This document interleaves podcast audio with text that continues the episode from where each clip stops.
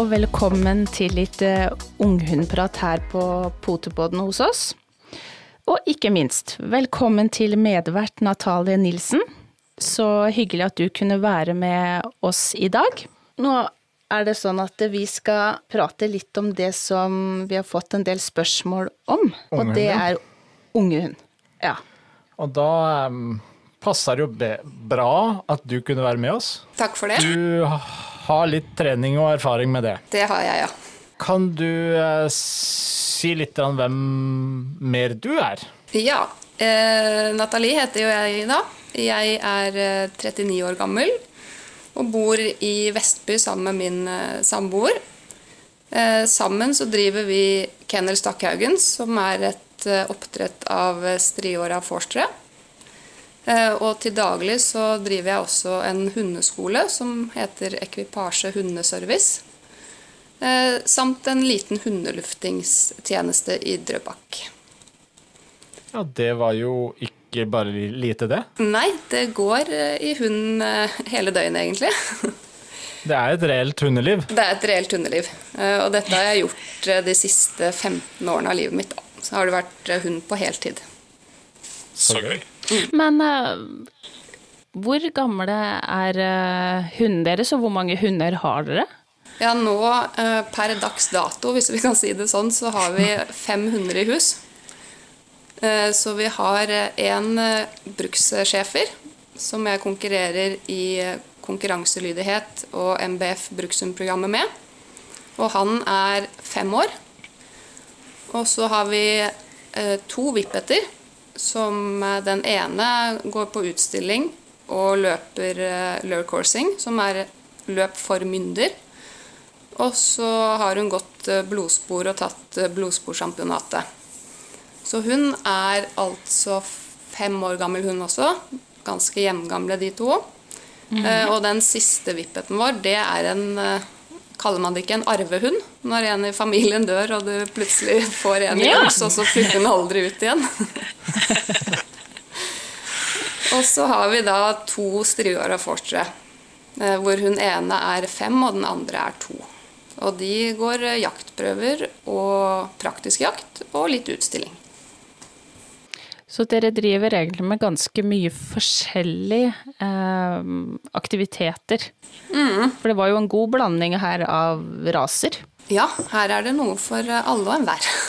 Ja, så gøy. ja, det er veldig Både raser og aktiviteter. Oh yes. Men er dere begge aktive med hundene, eller er det Det må jo kanskje Du si som er at det er jeg som er nerden her. Um, som liker den tekniske treningen fram mot øvelser og fram mot eh, stevner og utstillinger og, og prøver. Og, og min samboer Pål, han er eh, mest kanskje opptatt av å, å gå på tur og stå på ski. og Han har jo bl.a. gått Norge på langs med noen forstere. Ja. Så, så han eh, er ikke så opptatt av treningen. Så vi har en god arbeidsfordeling i og med at han holder dem i god, god aktivitet i forhold til mosjon og alt dette her. Og så står jeg kanskje for den mest tekniske biten av det. da. Ja, men det, er Da, jo da er det litt som uh, oss, da. Det er ja. Det er jo litt mye der. Lik fordeling. Lik fordeling. Og, og begge Jeg- ting tar like mye tid, ikke minst.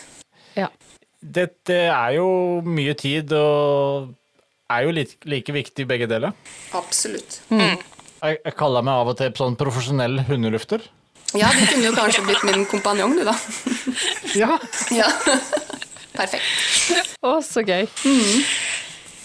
Du, vi skal innom tema unghund. Ja. Eh, og det snakkes og skrives veldig mye om eh, valpetiden. ja. Eh, det er valpekurs, det er valpetreninger. Eh, men kanskje hvis Ja, Ja. ikke minst. Men så er det kanskje litt lite snakk om unghund. Eh, og det kan være vel så krevende med en unghund eh, som det er med en, en valp.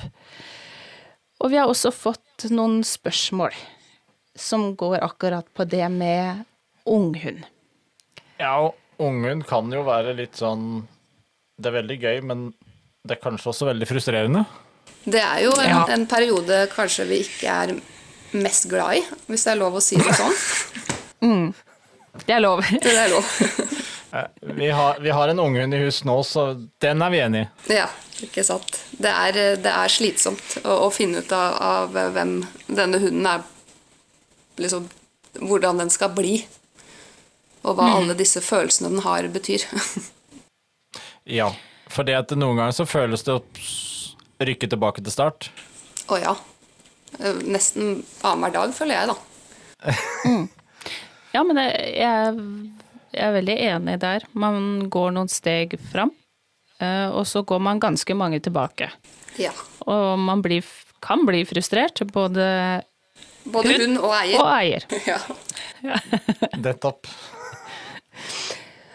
Vi har fått noen eh, eh, spørsmål her, Frank.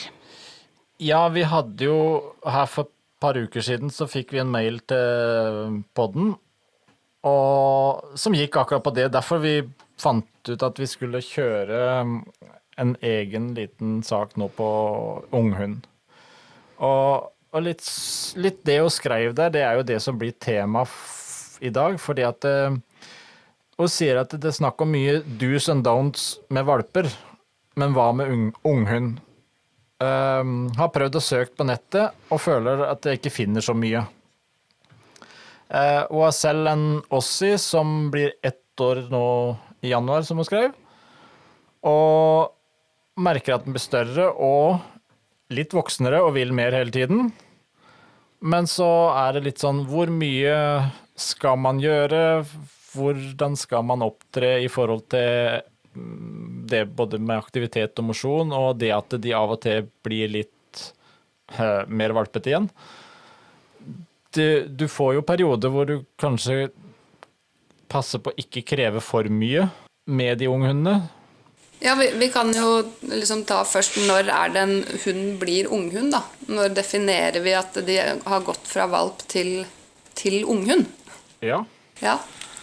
Det er jo litt Det- eh, individuelt i forhold til hvilken eh, rase eller, eller blanding man har. Eh, fordi at de, de som er små, blir jo fortere kjønnsmodne, hvis vi kan si det sånn, enn en Grand Danois f.eks. ja. Så det vil jo være Og så er det individet også litt grann som bestemmer hvor, hvor fort den blir unghund, da. Men hvis vi er enige om sånn ca. rundt seks måneder, høres det greit ut? Og det, det vil jo være også, ser man på hannene når de begynner å løfte litt på beina, og kanskje tispene når de får sin første løpetid, eller begynner å, å, å markere mer, ikke bare tisse for å tømme seg, liksom. Det kan jo være en god indikasjon å se etter. Jeg er helt enig. Eh, Men så er det jo den derre vanskelige balansen fra det å være valp til å bli en unghund, holdt jeg nesten på å si junior, for mm, Jo. det sier vi i utstillingssammenheng. Det er jo en junior. Men det er en junior. Og så er det jo snakk om hvor mye skal man beregne at de kan gå tur. Noen har lyst til å ut og løpe med hunden sin. Hvor mye er det sunt for eh, skjelettet? Eh, hvor mye kan man beregne i forhold til at eh, man ikke skal Hva skal man si bli eh, Belastet. overaktivisert, altså at man blir veldig høy. Eh, At man tyner det litt for langt, da. Det er jo ikke så lett å, å vurdere sånn på stående fot alltid. Eh, nettopp fordi at vi har så mange forskjellige raser. Eh, og, og vi har jo mange forskjellige raser i hus hvor vi har vektlagt forskjellige ting i unghundsperioden. da. Eh, Nettopp. og det er jo for eksempel så er jo schæferen godt kjent for å, å ha eh, HD-problematikk, ikke sant? Mens for eksempel vippeten har jo ikke det. Sikkert noen tilfeller der også, men det er ikke det de på en måte er kjent for. Og de veier jo en kvart av hva en schæfer hannhund gjør. Så det er klart at det det sier seg litt sjøl. ja, så det er klart at de to uh, rasene vil jo kunne belaste seg forskjellig. En, en schæfer skal jo ikke på en måte mosjonstrenes før den er eh, kanskje ett og et halvt år. da. Nei. Mens en vippet kan fint være med på sykkeltur når, når den er et år. For den veier jo like mye som en flis. ja. Men så har du de som Det har i hvert fall vi hørt noen ganger, at eh, ja, men de blir jo de blir jo aldri trøtte. De vil bare ha mer og mer, de vil på lengre og lengre turer. Eh, dagen etterpå så er de spinnville. Hva tenker du rundt det? Det er jo litt sånn at aktivitet avler jo aktivitet. Ikke sant? Så jo mer bensin du hiver på bålet, jo mer brenner det jo. Eh, Så jeg tenker at hvis, det, hvis de har fått liksom en tur, og da tenker jeg Når jeg tenker tur med hunden, så tenker jeg på det som å få lov til å rusle rundt i skogen i sitt tempo når de er unghund. Kanskje Ja. uten så fryktelig mye forstyrrelser. For det er jo det de blir slitne av, og de klarer jo ikke å begrense seg selv eh, hvis det er mye andre impulser rundt dem, da. Nei, de er litt sånn motsatt av oss mennesker, Ja. som kan egentlig bli fort sliten, og er godt fornøyd i tre uker etterpå. ja, ikke sant? Eller kanskje ikke Pål, da, men eh, Nei, kanskje ikke Pål. han, han, han er en rase som vi holder utenom her. Han er en rase vi holder utenom. Eh, og det er, liksom, det er så mye man kan gjøre når man er ute med hund som ikke nødvendigvis trenger at man skal gå så himla langt, da. Eh, fordi altså, vi har jo mange hunder med forskjellige behov, og jeg trener jo alle sammen hver dag. Men jeg trener jo på ting når jeg går tur. Når vi soser rundt i skogen for oss selv, så kan jeg legge et godbitsøk eller et lite spor. Eller kaste en apport til fuglehundene. Eller kaste en ball til vippetene, f.eks., sånn at de kan spinne rundt eh, med den ballen til de liksom er fornøyd, og så putter jeg den i lomma igjen. Det er ikke sånn jeg står og kaster og kaster og kaster og kaster. Nei, der er du inne på det der med å balansere aktivitet og litt ro. Ja. Og det å få litt mentale utfordringer. Ja, og man kan ta med seg en sekk med en, en eh, termos oppi og en, en kaffekopp, ikke sant? og så bare sette seg ned i, i lyngen eh, sammen med hundene, og da ser man ganske fort at eh, de faller til ro. Ja. Og, og så har du noen individer som ikke gjør det, eh, og de må jo lære å falle til ro. Eh, så de holder jeg hyggelig fast til man kjenner at du hører. Når du hører det, så kan man liksom slippe rolig opp, og så kan de surre seg inn i en ball og legge seg ned til å sove litt. Litt sånn hyggelig eh, tvangskos, som vi kaller det. Ja. Tenn et bål og ta det med ro. Ja. ja. Men hva kan man gjøre f.eks. hvis man har, som jeg sa, gått mange turer, og så øker man og øker, og man merker at hunden aldri faller til ro, som du sa, så, så kan man jo holde ja. og prøve å hjelpe de. Men hvis du holdt på med det her en stund, og holdt den aktiviteten så høyt oppe, hvordan kan man klare å jobbe seg tilbake til å få en rolig hund? Er det noe annet man kan gjøre enn å bare holde? Nei, man må ta tida til hjelp også. Det er eh, også, Jeg er veldig glad i en øvelse hvis man har en hund som er veldig gira i en situasjon, og det, det skjer jo ganske ofte. Og når de er unghunder, så, så er de jo ikke altfor store, så jeg pleier å legge en gjeng godbit, altså en, en håndfull godbiter, da, foran hunden. Og så holder jeg den inntil meg. Og da ofte så holder man foran på brystet, og da kjenner man det igjen når roen senker seg i kroppen. Så tar jeg en godbit, og så får den den godbiten. Sånn at det er bare Ja. når den på en måte faller til ro at den får en gode den har lyst på. da. Ikke når den er spinnvill. Godt tips. Det er jo en veldig Ja. god måte å lære de fort og effektivt å slappe av. Ikke sant? Og det, det kan du bruke også hvis du har en hund som er reaktiv ute på tur i urbant miljø, da, hvis vi kan si det sånn. Ja.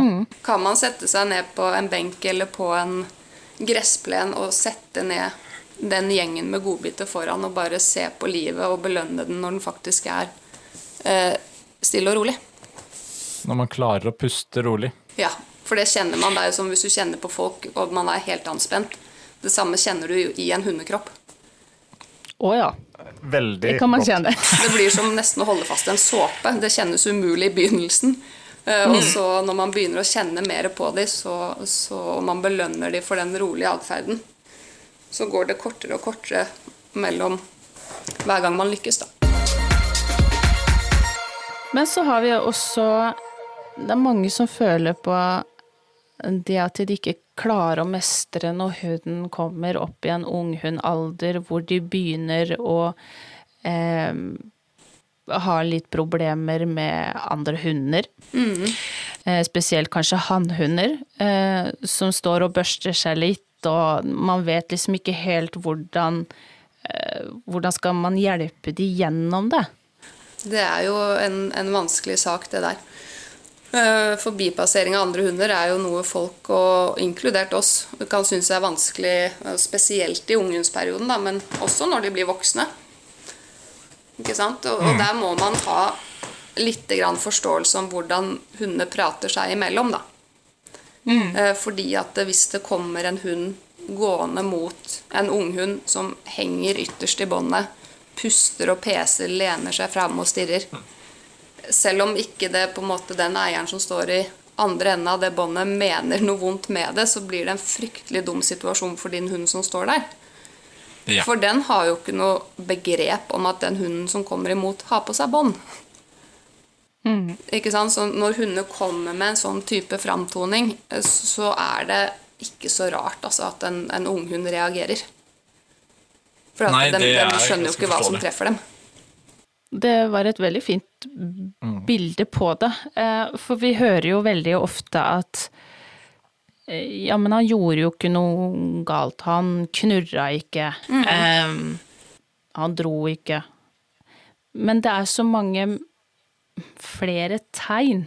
Ja, Uh, Slikking rundt munnen, uh, øynene, alle de tingene her som ikke nødvendigvis for oss som eiere er, er veldig lett å se når vi kommer i møte mot en annen hund. For det er noe man hører stadig vekk. Ja, men han, han, han gjorde jo ikke noe galt. nei, ikke sant? Men det eskalerte allikevel. Ja, det gjør ofte det, og så tror jeg vi, vi eh, Altså, gi dem rom, ikke sant? Er det mulig å, å skape større avstand til det som hunden din syns er utfordrende? Og det er jo noe med å ha respekt for hva hunden syns er vanskelig. Ikke nødvendigvis hva du syns er vanskelig. Nei, det er jeg helt enig i. Kan være veldig forskjell. Ja, Og det kan man jo kjenne på, um, på sjøl, oss som mennesker. Hvis vi ville ha blitt pressa inn i en situasjon som vi ikke er komfortable i. ikke sant? Um, hva skjer egentlig da? Og det er Men du er jo inn, ja, inne på det her uh, som vi også snakka om tidligere på den, det å bli flink til å lære å lese og se hunden, sin egen hund. ja. Hva slags signaler den sender ut. Og, Også, og litt å lese de hundene som kommer imot dere. Ja. Eller imot oss, da. Eh, Det er, altså Kommer det en stor sånn som, Jeg har jo en stor, svart schæfer hannhund eh, med helt sort ansikt, nesten. Jeg skjønner at andre hunder reagerer på han. For at det er fryktelig vanskelig å se hva han mener når han ikke har Ja. noen tegninger i ansiktet. Eh, og så, ikke sant, Han har sorte lepper, du klarer ikke å, å lese han hvis ikke du er veldig god på schæfer. da. Eh, og, og da har han som regel, og hatt siden han var liten, at han aldri har lov til å stirre på andre hunder. For jeg skjønner at det er vanskelig for de andre å, å lese han. Det er litt interessant. Åssen har du lært den det å ikke stirre? Ja, det, det gjelder egentlig for alle hundene våre. Eh, Og det som jeg kanskje syns er det vanskeligste å lære det på, det er jo vippeten. Som er en veldig sånn sighthound, litt som deres rase, vel. Som Ja. bruker øynene sine fryktelig mye, ikke sant? Eh, og da går det rett og slett på altså lydighetsferdigheter, da, hvis du kan kalle det for det. Ja, hvis hunden din kan gå fot, både på høyre og venstre side, eh, og ha kontakt opp, så er det jo hvor enkelt som helst. Men da må man jo Ja. trene på det som en egen ferdighet utenfor forbipasseringene. På et rolig sted. Og legge på forstyrrelser litt etter litt. Han kan ikke gå forbi en pølse som ligger på bakken, og, og ikke har den ferdigheten, så klarer han ikke å gå forbi en annen hund heller. Så man begynner kanskje litt i feil ende, da, hvor man forventer at disse hundene skal klare det umulig. Ja, der sa du akkurat det der som jeg syns er gjentagende hele veien. Vi, vi forlanger det umulige. Vi tar heller ikke problemet før vi står midt oppi det. Nei. Istedenfor å starte helt fra scratch tidlig med bare kontakt. Ikke sant?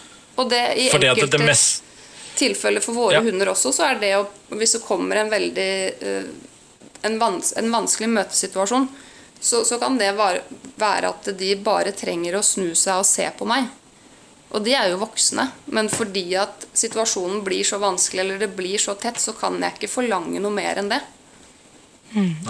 Og det er der man må være fair med hundene sine, da. Ja. Det likte jeg. Ja. Hvis ikke så syns de jo- vi er verdens verste hundeeiere. Tenker de fysj av meg. Det er forferdelige mennesker. Men jeg, jeg kjenner jo igjen det du sier med utfordringer med stirringa. Mm. Fordi at Bassenia nå, som du sa, er veldig De bruker mye øynene. Yes. De stirrer og stirrer og stirrer. Ja. Og vi har jo det her med ørene står rett opp. Ja. Halen står midt på ryggen. Mm. alt blir feil. ja alt blir Og så ser vi det òg at eh, vi har en sort eh, elghund til nabo, som våre hunder syns er kjempevanskelig å lese. Ja. eh, Fordi alt er helt sort. Og det samme, en stor buskete hale på ryggen, og ståører. Det er ikke lett å Ja, være det er litt Nei, det er vanskelig, men jeg tenker hvordan kan vi som eiere klare å lese hunden som kommer imot? Har du noen gode tips der? Nei, jeg pleier å sammenligne det litt med hvordan vi mennesker går mot hverandre på tur. Ja, går du forbi et menneske på en smal sti som stirrer på deg og lener seg mot deg, så blir du, synes, tenker du vel litt sånn Oi, herregud, hva er det for noe? Nå fikk jeg gåsehud bare du sa det. Jeg syns det var litt ekkelt. Og, og sånn er det jo for hundene våre òg. Mens møter du et menneske på stien som ikke stirrer på deg, men som smiler hyggelig, og så viker blikket og gir deg liksom såpass god plass at du ikke trenger å dulte bort inn, da. Så føler du det kanskje mer som et hyggelig møte. Ja. Og så er det jo Helt klart, disse det- Nå skal jeg ta en kamp for halsbånd. For det er fryktelig mange hunder som, fly, som har på seg disse selene.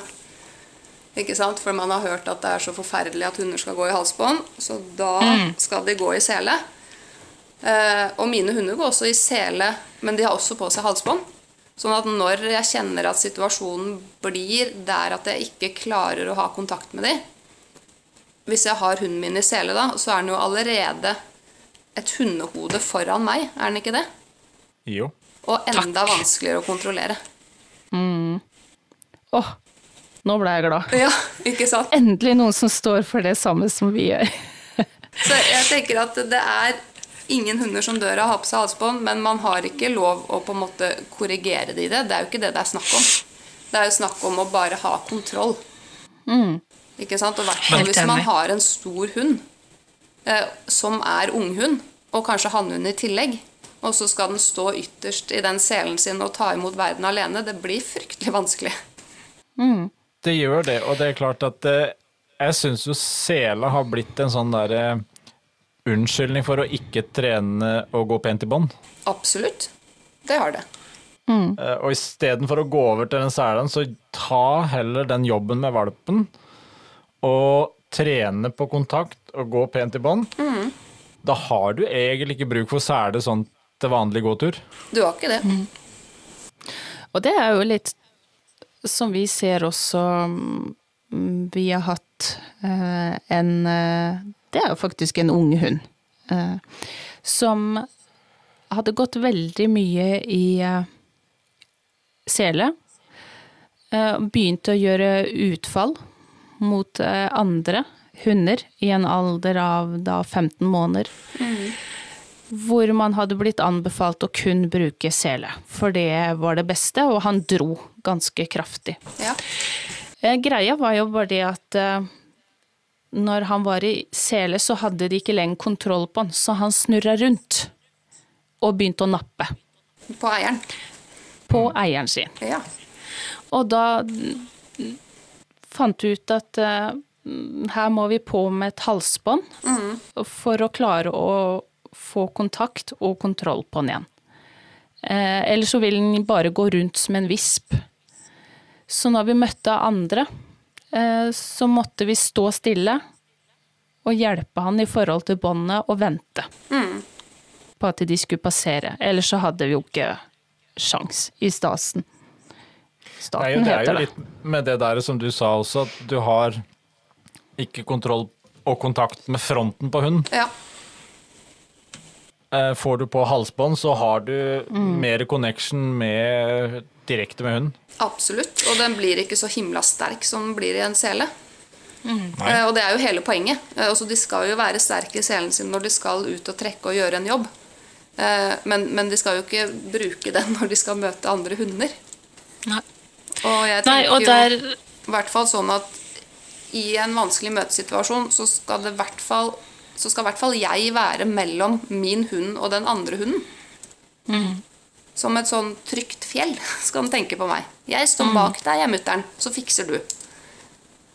Ja, men eh, nettopp. Det er, eh, det er jo der vi egentlig kanskje ofte feiler, for vi kommer jo etter i langt bånd. Ikke sant? Og så sier vi Tre-fem meter bak. Og da sier vi jo til hunden at dette her får du ta ansvar for. Du går først. Jeg bare kuler den baki her. Og da må de jo ta ansvar, da, stakkars. Ja. Og det er det veldig, veldig få hunder som klarer å håndtere på en bra måte. Men dette er øh, utfordringer som ganske mange sliter med. Og Ja. spesielt i unghundalder. Absolutt. Og jeg syns det er vanskelig selv. Ja, det, det er ikke bestandig like lett. Men det syns jeg var så fint, det er måten du også fremstiller det på nå. Ja. For det gir et enkelt forståelig bilde at vi, vi må faktisk litt mer i front og ta litt ansvar og være leder. Vi må det. Og, og Og så må ikke alle få hikke for det om vi sier leder. Nei, nei, nei. Men vi er jo det for hundene våre. Ja. Ja. Noen må bestemme i hytta, og det, det er jo ikke de. Nei. Nei. Eh, og så tenker jeg det at eh, jeg syns det er fint det du legger fram òg, fordi at man eh, Du har en balanse mellom halsbånd og sele. Alt etter eh, hva du skal, eh, og hva du skal trene. Jeg tenker at den tanken eh, er lurt å ha med seg. Ja. Og så ikke minst at folk må ha halsbånd som hundene ikke kan vri seg ut av. Ja. For mange kjøper store, polstra, merksnodige halsbånd. Og så sier det smokk, og så står du der med halsbåndet i leiebåndet ditt, og så er hunden over alle hauger. Og det er fryktelig trist hvis du står på andre siden av en vei. Det er det absolutt. For det handler det- om sikkerhet. Jeg er helt enig. Eh, Og, Og, det samme har jo vi litt utfordringer på bassenget. For de er så smale i hodet. De er smale i hele kroppen. forskjell mellom hals og hode, liksom. Det går bare i sånn ett. Ja, det gjør det. Så det er et sånn typisk klassisk for vår rase. Det er å smelle sammen forlabbene, Ja. og så rykker de bak, og så er de ute av selen. Det er Ja. kjempetriks. Ja. ja. Det, det beste er at det, det trikset trenger du ikke lære de heller. Nei, det er bare medfødt. Ja. Ja, så gøy. Nei, så jeg Men tenker er at det- eh, altså sånn En god, eh, som sagt, tanke rundt dette å møte andre hunder og at vi skal stå først, eh, samtidig som du har lært hunden din basic lydighet. Helt Mm. enkelt gå fot i slak line og se på meg. Det er ikke fryktelig vanskelig å trene. Kan du gi noen gode eh, tips på hvordan man kan trene fot? Hvordan du gjør det, f.eks.? Ja, jeg, Det er kanskje ikke likt mellom alle rasene dine. Nei, og jeg har jo ikke like strenge kriterier på de som ikke skal konkurrere i lydighet, som jeg har på schæferhunden f.eks. Men det er jo bare en sånn teknisk bit. Men det er jo rett og slett å lære hunden sin å gå på venstre og høyre side, fordi av og til så må man jo bytte side på dem. Ha godbiten i snutehøyde, sånn at den ikke hopper opp for å få tak i godbiten. Så har man en liten hund, ja, da må du bøye deg, da. Og når båndet er slakt, og hunden går så tett som du ønsker at den skal gå, så sier du bra, og så belønner du. Det er jo nesten Kan- litt trist enkelt. Er det ofte litt sånn at vi kanskje kan gjøre det litt vanskeligere for oss sjøl enn det det egentlig trenger å være? Det tror jeg nok at mange tenker at det er fryktelig komplisert. Men hunder er jo enkle vesener, ikke sant. Så jo, jo lettere vi gjør det for dem, jo enklere er det. Mm. Og så dette med å legge på forstyrrelser. Og tenke at Ja. forbipasseringen skal være målet. Eh, Og da er jeg nødt til å kunne gå fot forbi en tørrfòrkule. Ok, da har vi klart det. Jeg må gå fot forbi en eh, pølse. Ok, da har jeg klart det.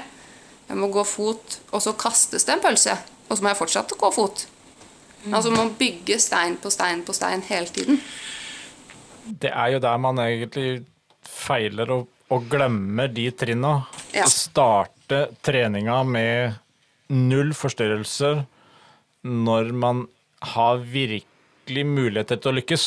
Ja, og det, det er jo litt sånn når, når vi går på jobb. Hvis vi aldri lykkes i jobben vår, så slutter vi jo. Ja. Og sånn er det med hundene òg. Hvis de opplever at eierne stiller altfor høye krav som de ikke har sjans til å henge med på, så tenker de at bare nei, vet du, det her orker jeg ikke å forholde meg til. Dette blir for vanskelig. Jeg finner på noe annet. Jeg går og snuser og tisser istedenfor. tenker jeg. Ja, Det ja, er men det, det kjenner vi litt igjen. Ja. Altså det, og det er klart at det, det er jo vi som må starte med oss, og vi har veldig fort for å sette veldig høye krav. ja, det har vi. Og, og det, Og kanskje, kanskje det der igjen, hvis vi tenker på valp, så har vi vært veldig opptatt med å være flinke å trene, flinke på f- mange ting i starten. Og så funker det. Og så kommer de da i sånn åtte-ni måneders alder, og alt er borte. alt er borte. Og det tror jeg også er litt fordi man ikke har et konkret mål, da. Og det er vanskelig å ha som ny hundeeier, for du, man har ikke begrep om hvor kaos det kan bli. Hvis man ikke, ikke lærer hunden sin vanlig på en måte sosiale regler, da, hvis man kan kalle det for det. Ja, du har ikke lov å hoppe på folk, du har ikke lov å stirre på andre hunder. Alle disse helt vanlige tingene. Det glemmer vi at de skal kunne. Ja. Ja, man gjør det. Man gjør fort det. Fordi Og så tror jeg sin det er veldig lett å. Ja, ja, Og det er den jo! Fantastisk. ja. Men kanskje Jeg er helt enig. Men kan det være litt sånn at man kanskje har Man gir opp litt for fort? Ja, det tror Man jeg også. er Tror jeg at altså, Eller iallfall jeg oppfatter at jeg ser mange hunder på, på tur som gjør utrolig mye kloke valg som, hunde ikke, som hundeeier ikke får med seg. Og ikke belønner. For, for det trenger ikke å være det at den på en måte skal gå en perfekt fot eh, når den er seks måneder, men bare det at den tenker at Oi, kanskje, kanskje jeg skal rygge to skritt tilbake så båndet blir slakt. Altså, det er jo en kjempebelønningsmulighet. Det er et fantastisk valg å ta. Istedenfor å kaste seg fram, da. Der tror jeg vi hundeeiere ofte har bare tenkt at å ja, nå var han flink. Ja. Og, og så gir vi ikke den beskjeden til hunden. Nei, ikke sant? Men kan det være da en fordel For jeg tenker som det kan være utfordrende å oppfatte situasjon. situasjon. Lese andres hunder, lese sin egen hund. Er det da en fordel å gå kurs? Jeg tenker i hvert fall for ikke minst for vi som har hatt hund i mange år. Jeg har ikke vondt av å friske opp. Men tenk på alle de som er ferske hundeeiere. Hvordan i all verden skal de klare å lære alt det her? Altså, det er jo så mange Man kan google seg gul og blå. Ja. Er det en fordel å gå et kurs? Det, det syns jeg. Nå kan jo ikke jeg si nei siden jeg holder kurs. Nei. Men nei, altså poenget er jo at eh, man har godt av at noen ser på hvordan du håndterer hunden din, og hvordan du trener den. Ikke sant? For det ligger jo i nyansene. Eh, og jeg som konkurrerer med mine, jeg er jo hos en trener en gang i måneden. For å få tilbakemeldinger. Hva, hva kan jeg gjøre bedre, hva gjør jeg feil, osv. osv. Eh, samme som dere har jo ringtrening. Ikke sant? Man blir jo aldri god nok, liksom. Det er alltid mulighet til å forbedre seg. Nei, og det er det fine du sier der for en Kall det en vanlig hundeeier, da. At eh, du som hundetrener, vi som hundetrenere, vi søker jo også trenere som kan pushe oss igjen. Absolutt. For vi, vi må også eh, freshe opp litt og, og få innspill. Ja, og ofte hvis man har et problem, så er det litt sånn vanskelig å se det Eller ikke, vi kan kalle det en utfordring, da, for det er et hyggeligere ord. Men så er det ofte vanskelig å se seg selv, da. Ikke sant? Holder du båndet for høyt opp, eller er det lure å holde lenger ned? Og så videre og så videre. Og timing, ikke minst, er jo vanskelig. For noen sier jo det her med timing. Det er ikke så viktig. Noen sier at det er veldig viktig. Hva tenker du rundt det? Eh, Jeg tenker at det er jo viktig for hunden å forstå hva den får belønning for. Nettopp. Ikke sant? Fordi at eh, Ta utgangspunkt i, i schæferhunden, da, så har han lært seg å sladre på andre hunder som kommer på tur. Ikke sant? Så jeg ser på han når han hører en annen hund i terrenget, og så kaller jeg han inn, og så belønner jeg han for det. Uh, og når han var liten da, og han så på en annen hund, og jeg bare stramma båndet bitte litt, sånn at han tenkte 'hva skjer da?' Og så snudde seg, og så belønna jeg det. Ja. Og sa bra. Ikke sant? Hvis jeg hadde venta til han hadde blåst seg litt opp med å belønne, hva hadde jeg belønna da? Da hadde du fått det moro. Ja, da hadde jeg belønna at han velger å se på en annen hund, velger å blåse seg opp. Og det ønsker vi jo ikke. Det, er- det er nettopp der med timingen på belønningen som vi eh, kanskje aldri kan bli nøye nok på. Og det er jo det vi Som du sier, å belønne riktig atferd. Og så, og så tror jeg på en måte at mange eh, Også dette med belønning handler jo om at du må ha en hund som er sulten, sant? Og det har jo også nesten blitt et sånn Å nei, du kan ikke ha sulten hund, for da dør den. Ja. Eh, Men, ja. men eh, når de er unghunder, eller når jeg skal trene de voksne hundene mine i altså vanlige basic lydighetsskills, så får ikke de full frokost før trening. Nei, da får de kanskje halvparten. Og så får de resten gjennom trening. For at de er nødt Ja, til å være motivert for mat. Og hvis du er sulten, så er du ikke motivert. Nei, det er også veldig viktig. Den tanken følger jeg. Eh, fordi at det er mange som opplever at hun hunden ikke vil ha godbit. Ja. Det er helt Og riktig. da Må man snu på det.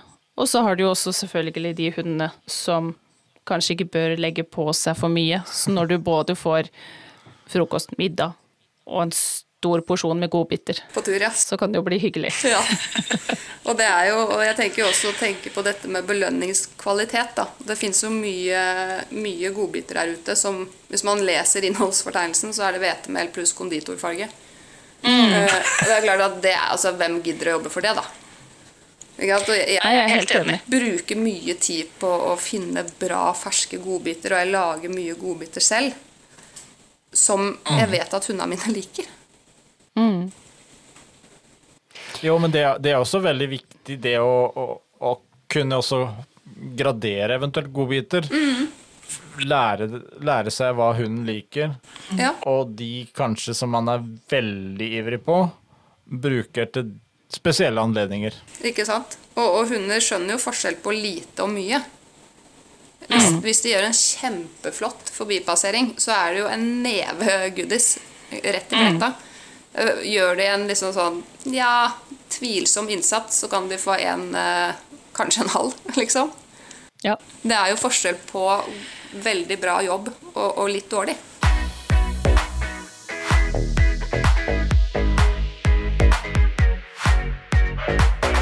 Men du, det her rundt øh, Det har vi jo fått masse spørsmål. De forskjellige fasene som en unghund går igjennom. Ja. Kan du eh, ta oss litt gjennom de forskjellige, og da med tanke på eh, de som er helt ferske hundeeiere, og som har i vente kanskje forskjellige faser som de ikke er klar over at kommer til å komme, og hvordan de kan komme greit gjennom de. Ja, jeg tenker jo som sagt også, Vi ble vel enige om sånn røftlig at rundt seks måneder er, skjer det første morsomme i hundeholdet. Og, og, Det er jeg helt enig i. ja, og da tenker jeg at innen seks måneder så bør du på en måte ha kommet dit hen at du har de grunnleggende ferdighetene på plass i hunden din. Sånn at når disse vanskelige situasjonene oppstår, så har du noe å, å bygge på, da. Ja. Ikke sant? Eh, og så roer det seg jo hele ganske greit ned igjen. Og så tenker man 'åh, gud', og så tørker man svetten av pannen og tenker nå, nå er det good igjen. Og så er det jo det. Et par måneder, kanskje tre måneder til. ja. Ja. Og så slår det inn igjen. Ofte da med mer kraft enn en mm. første runde. Eh, og det kommer an på om du har eh, hannhund eller tispe. Fordi hannhundene får jo mer testosteron. Og i det samme momentet så kommer jo litt denne aggresjonsbiten i dem også. De kan bli litt territorielle. De kan begynne å passe på mor, eller passe på far, eller passe på barnet. Eh, tispene ikke i så stor grad, men noen sikkert der òg. Jeg vet ikke hvordan det er i deres rase. Nei, Nei. du merker forskjellen litt akkurat på det med hannhund og tispe òg. Ja. Men Vi har ikke de jo- utfordringene. Sånn som eh, med en del hannhunder. Nei, ikke ikke så mye. Men, men samtidig så har vi et veldig utprega flokkdyr. Ja. Sånn at de, uansett tispe hannhund, de skal jo passe på flokken. Ikke sant? Og vi merker jo de der epokene som du snakker om. Eh, kanskje spesielt med Stella, der hun har tatt med seg alt av epoker opp igjennom. Ja. og så har vi sittet med Soline for tre år siden som ikke hadde noen av de. Eh, hun fløyt bare fint gjennom alt. På en rosa sky. Eh, Ja. ja, det var litt sånn. Eh, Så det er noen år siden vi sjøl hadde en valp som skulle gjennom alt det her. Mm. Og det merka vi jo veldig lett ved at hun plutselig ble kjemperedd for søppeldunken som hun har passert siden hun var åtte uker. Ja. Eh, Hun holdt på å dø på seg. Ikke sant? Wow, sier du. Det, ja. Det var ganske merkbart fra en dag til en annen. Og det er jo kanskje i, i disse perioder at man må være grei å skjerme hunden sin litt. Ikke sant? Det er ikke Ja. da du tenker at du skal ut og, og liksom gjøre det ene og det andre og det tredje og det fjerde. Ta det litt med ro, og bare gå en tur på et stille og fredelig sted. Og man trenger jo ikke da bare måtte gå fram til den søppeldunken med en gang. Nei. Nei da, og jeg tenker det, det er som vi sier til um, våre valpekjøpere òg. det er ikke tida for å lære masse nye ting, Absolutt ikke. Det, men gjør de vante tinga. Og hjelp de gjennom det som er en litt vanskelig periode. Hold roen og vær tålmodig, så kommer de trygt gjennom det. Og så kan du begynne å trene helt andre ting eh, når de er ute av den fasen. Ikke sant. Og det er jo, ja, og jeg syns jo på en måte at hundene kanskje ikke er ferdig fasa, hvis man kan si det sånn, før de nesten er tre år. da, I hvert fall de litt større rasene. Vippetene Mm. syns jeg var ferdig når de var to. Mens Ja. Um, ja hannhunder er jo treige i utviklinga, det, det kjenner vi jo alle til. Jo, og, og, men det der er også eh, litt forskjell på rase, men også individ innen samme rase. Absolutt. Vi, så, se sånn som vi snakka om med solidene, som egentlig ikke hadde noen spesielle faser. Men hun var jo ikke ordentlig voksen allikevel før hun nå var tre. Nei, det var hun ikke. Og, og det er jo det uh, som jeg tenker at uh, man må bare være litt god på å lese egen hund. Og, og ikke minst Det- kanskje snakke litt med Jeg vil slå et slag for oppdretterne. Jeg og Mange av de gjør en god jobb, og jeg tenker at kanskje ikke valpekjøperne benytter seg nok av det. For de kjenner jo både mor og far som regel. I hvert fall mor, da. Og det er jo mye genetikk vi snakker om her. Ja, det er jo det. Og så har vi jo som regel uh, gjort en del erfaringer og feil, og vi har hatt ulike individer av samme rase som valp opp igjennom. Ikke sant? Man trenger jo ikke å finne opp kruttet på nytt. Nei, absolutt ikke. Og det som jeg pleier å si, jeg sier det ikke fordi at uh, eh, man skal prøve å være noe verdensmester, Men som oppdretter så sier man det fordi at man har erfaring, fordi at man rett og slett kanskje også har dritt seg litt ut. Absolutt. Man har vært gjennom noe. Og, og testa ting. Eh, og kan dermed si at eh, jeg anbefaler deg å gjøre sånn, og så er det opp til valpekjøperen om de eh, ønsker å følge rådet eller ikke. Og det bør man absolutt gjøre. Og jeg har benyttet meg selv av mine oppdrettere, holdt jeg på å si, til, til de hundene. Eh, masse. Og fått mye gode svar og, og bra løsninger. Så som du sier, så slipper man å drite seg ut selv. Ja. Ja, for Ja. Det, det er jo ofte det det er snakk om. Og, Og og det er klart, eh, vi er heldige også som oppdrettere f- med kontakt med mange forskjellige valpekjøpere. Så kommer vi der også borti mye uh, situasjoner som vi lærer av, Absolutt. som vi kan formidle videre. ja. tenker jeg også at um, i disse periodene Jeg føler at en del folk kanskje stagnerer litt på dette valpestadiet. da. Og så er det jo måten man kommuniserer med hund. Ja, Når de er små, så er det mye tippi-tippi-tipp. ikke sant? Kom her, lille tipp. Og så får de en liten godbit, og så er ja, kjempekoselig. eh, og så kommer man til et punkt når de er unghunder, hvor fryktelig mange, og inkludert meg selv, eh, fortsetter med den derre dyppe-dyppe-dypp-stemmen. Eh, og det er jo ingen unghunder som setter pris på det. Ikke sant? De vil jo bli behandla som unghunder. Og da må vi snakke annerledes til dem. Det er litt morsomt du sier det der, for det, det er jo samme med barn. Ja, Eh, Det funker dårlig hvis du kommer i konfirmasjon og bruker den samme tonen. ja, det gjør det, altså. Du er ikke veldig poppis da. Ja. Så, så jeg tenker at man må faktisk huske på liksom hvilken Selv om den bare er seks måneder i vårt liv, så er den jo mye mer i et hundeliv. Og da Ja. må man snakke til den som den alderen den er, da. Er det kanskje det som er litt av grunnen til at vi også holder den der dippe-dippe litt for lenge? Fordi at det, det går for fort for oss? Det gjør nok det. Absolutt. Og, og altså, det er mange, mange som sier at 'Å, jeg, jeg, jeg har en valp', og så spør man ja, hvor gammel er den? Er åtte måneder. Det er ikke valp da. Da er du ungen, eller junior, som du sier. ikke sant? Og da er det andre kluter som skal til. ja, men det er jo det. Ja.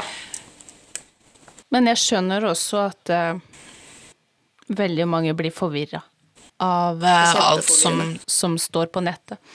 Uh, og noen av et spørsmål som vi kan kanskje ta med, eh, som jeg fikk ganske nylig, det var i forhold til at man har en hund fra før av, på to, ja. og så har man skaffa seg en bitte liten valp. Eh, det å skulle trene godbiter sammen, Ja. eh, så kom et spørsmål om Jeg har lest at den eldste hunden må ha godbiten først. Alltid. Hva tenker du rundt den tanken? Tenker at det er det vel jeg som bestemmer hvem som skal ha den godbiten først. Mm. Men, men eh, når man har flokk, da, så, sånn som dere også har, så må man jo være veldig nøye med å fortelle dem. Ikke sant? Når jeg gir godbiter, hvis jeg har alle mine eh, fem hunder rundt meg, og jeg står med hånda full av godbiter For det første så må de sitte. eh, Punkt én. Mm.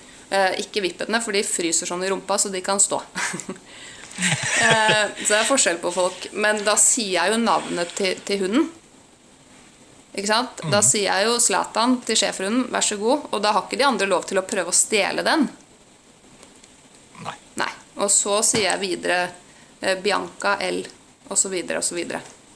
Det er jo ikke verre enn det. Det er ikke det. Det er litt eh, eh, morsomt å høre. Eh, for det er akkurat sånn som vi også har trent eh, våre hunder. Eh, de får navnene sine, og det kan komme i helt forskjellig rekkefølge. Ikke sant? Fra gang til gang. Men alle får. Alle får. Og kanskje den som er Så det- mest ivrig, den får sist. tenker jeg. Ja. Ja. ja. Det er også god trening. Det er veldig god trening. Det er ikke alle som er like tålmodige. Men du er jo inne på det der at de vet etter hvert at de får. Alle får. Alle får. Man, man gjør ikke forskjell. Nei, Og da er ikke dette så komplisert allikevel. det er ikke det. Eh, Men det med å ha en eh, Hva skal jeg si, en unghund. Noen ganger altså året. Noen er halvannet, noen er to, før hund nummer to kommer inn. ja. Og så er det veldig eh, Hva skal jeg si eh, varierende eh, hva man anbefaler at den første hunden, hvilken alder den bør være i før man får inn nummer to. Hva tenker du i forhold til det å skaffe en hund nummer to når man tenker på de fasene som hund nummer én skal gjennom? Og hva som er krevende i, i hverdagen, altså det med både ha en valp og kanskje en ung unghund, da. Der tenker jeg man må være ærlig med seg selv om hvor mye tid man har. Ikke sant? For det går fint an å ha to eh, tette hunder hvis du tenker at du har tid til å gjøre dobbelt så mye jobb med begge to. For da Ja. må jo den ene ut og oppdage verden på andre, eh, på, alene sammen med deg. Og så må du putte den i bilen, og så må du gjøre akkurat samme jobb med nummer to. Nettopp. Ja, for, for litt av egen erfaring mm. for en del år tilbake. Eh, men jeg hører også andre som spør om det samme. Og det er når du har eh, Enten om det er to valper, om det er en ung hund og en valp. Men det med å la de få lov til å utforske verden også hver for seg, Ja. ikke alltid sammen. Nei. Og det er jo Man må jo tenke liksom med hund sånn ti år fram i tid. Ikke sant? Gud forby om, om den eldste skulle være uheldig og dø, da. Ikke sant? Ja. Så, så, så kan du ikke ha en som, som blir totalt lost hvis det skjer. Man må jo trene de til å være enkeltindivider. Alle må kunne være alene hjemme uten at nummer to er der. Eller tre eller fire. Ja, og det er ganske urettferdig for nummer to, hvor den første har fått lov til å oppleve og ta sine valg opp igjennom, og så kommer nummer to og bare dilter etter. Ja. Da Og som du sier, når da den eldste ikke er der. Ja. Nei, de blir jo ikke selvstendige. Eh, og grunnen til at vi også mange ganger sier det at ja, men la også de oppleve ting hver for seg, det er fordi at eh, når vi hadde Nikita på fem og fikk inn Nala som valp, så var det veldig enkelt, om jeg kan si det sånn. Ja, det Og alltid gå på tur sammen. De var alltid med i bilen sammen. Og så oppdaga man sakte, men sikkert at eh, når vi endte opp i enkelte situasjoner, så ville alltid Nala stå bak Nikita, som var eldst, Ikke sant? sånn at hun kunne møte nye utfordringer først. Eh, og den tenker jeg er veldig viktig, at eh, selv om man har eh, to eller tre eller fire hunder, så må de oppdage verden hver for seg òg, Ja. og bli selvstendige individer som kan også ta valg. Og så må jo vi også bli kjent med både én, to og tre. Ja. Ja. De er jo ikke like. De er langt ifra like. Og det tror jeg er sånn Det å bli selvstendig iallfall veldig, veldig tydelig Vi som har jakthunder, da, ikke sant? Så kan man ofte la eh, Vi hadde jo mor og datter en stund. Eh, så den eh, valpen var jo med mor på jakt. Ikke, ikke hele dagen, ikke sant? for det var den for liten til, men den fikk seg en liten time rundt bilen. Og da løper den jo etter mor, og hva gjør du?' ikke sant? Eh, og så er jo det en veldig fin læring. Eh, men så må den jo ut av bilen aleine. Ja. Ikke sant? Den kan ikke dilte i rumpa på mor eh, på jakt hele livet, for da vil den aldri gjøre selvstendige valg, da. Når den finner en fugl, f.eks. Ja, en veldig fin forklaring. Ja. som jeg tror eh, også de som er helt ferske, forstår. Lett forståelig. Ja, det syns jeg absolutt. Og um, jeg tror vi har fått belyst også litt det derre Kanskje fått snudd litt den frustra frustrerende tiden fram til litt mer glede. Ja, og det er jo, altså unghunder kan jo være fantastisk. Men det er kort vei mellom himmel og helvete med det. Ja. Enkelt og greit. Enkelt og greit. Og man må bare prøve å ha altså, øynene på ikke sant? og belønne det fantastiske de gjør når de gjør gode valg. Og så er det lov Ja. å si nei når de gjør dårlige valg. Ja. Jo, det er balansen der mellom å, å kunne sette litt krav, men også lage sirkus når det er veldig bra. Ikke sant? Da tror jeg vi har fått svart på mye av uh, unghundpraten. Så bra. Jeg skal bare skyte inn én og- siste ting. Ja. Hvis det går greit for dere. Veldig greit. Mange prater jo, eller Vi har pratet mye om dette å gå tur. Ikke sant? Hvor mye tur tåler en unghund osv. osv. Mm. Og det vil jo være, har vi vel oppsummert med at det vil være uh, forskjellig innenfor hvor stor eller hvor liten eller hvor utvikla hunden er. Uh, men det som også kan være et fint supplement til den fysiske liksom, gåtreningen, det er jo balansetrening og cavaletti-trening og alle sånne type ting som styrker kjernemuskulaturen. Det kan man gjøre masse med, en- med en ung hund. Det er veldig riktig. Og for de som ikke vet hva Cavaletti er, da er det lov å google. Da kan man google. Ja. Ja. Cavaletti og, og balansetrening. Man får sånn balanseballer. Man har kanskje prøvd det selv på gymmen. ikke sant?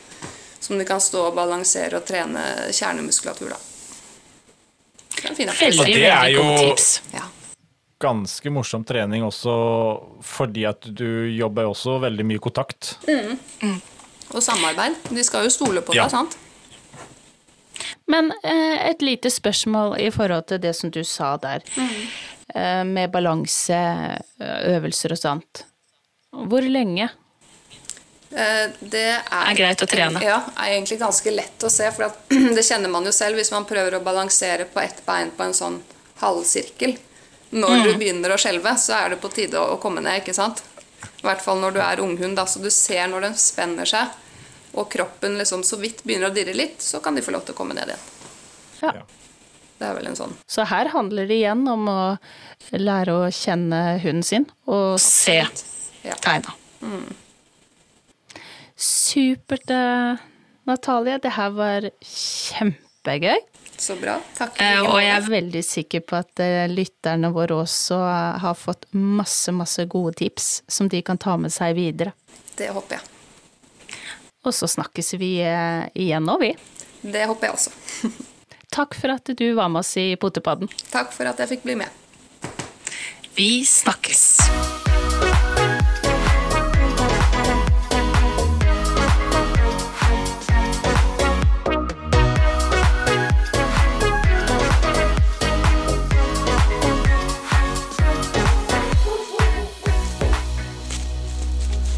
Potepodden, firebent prat laget av ckakademiet.no.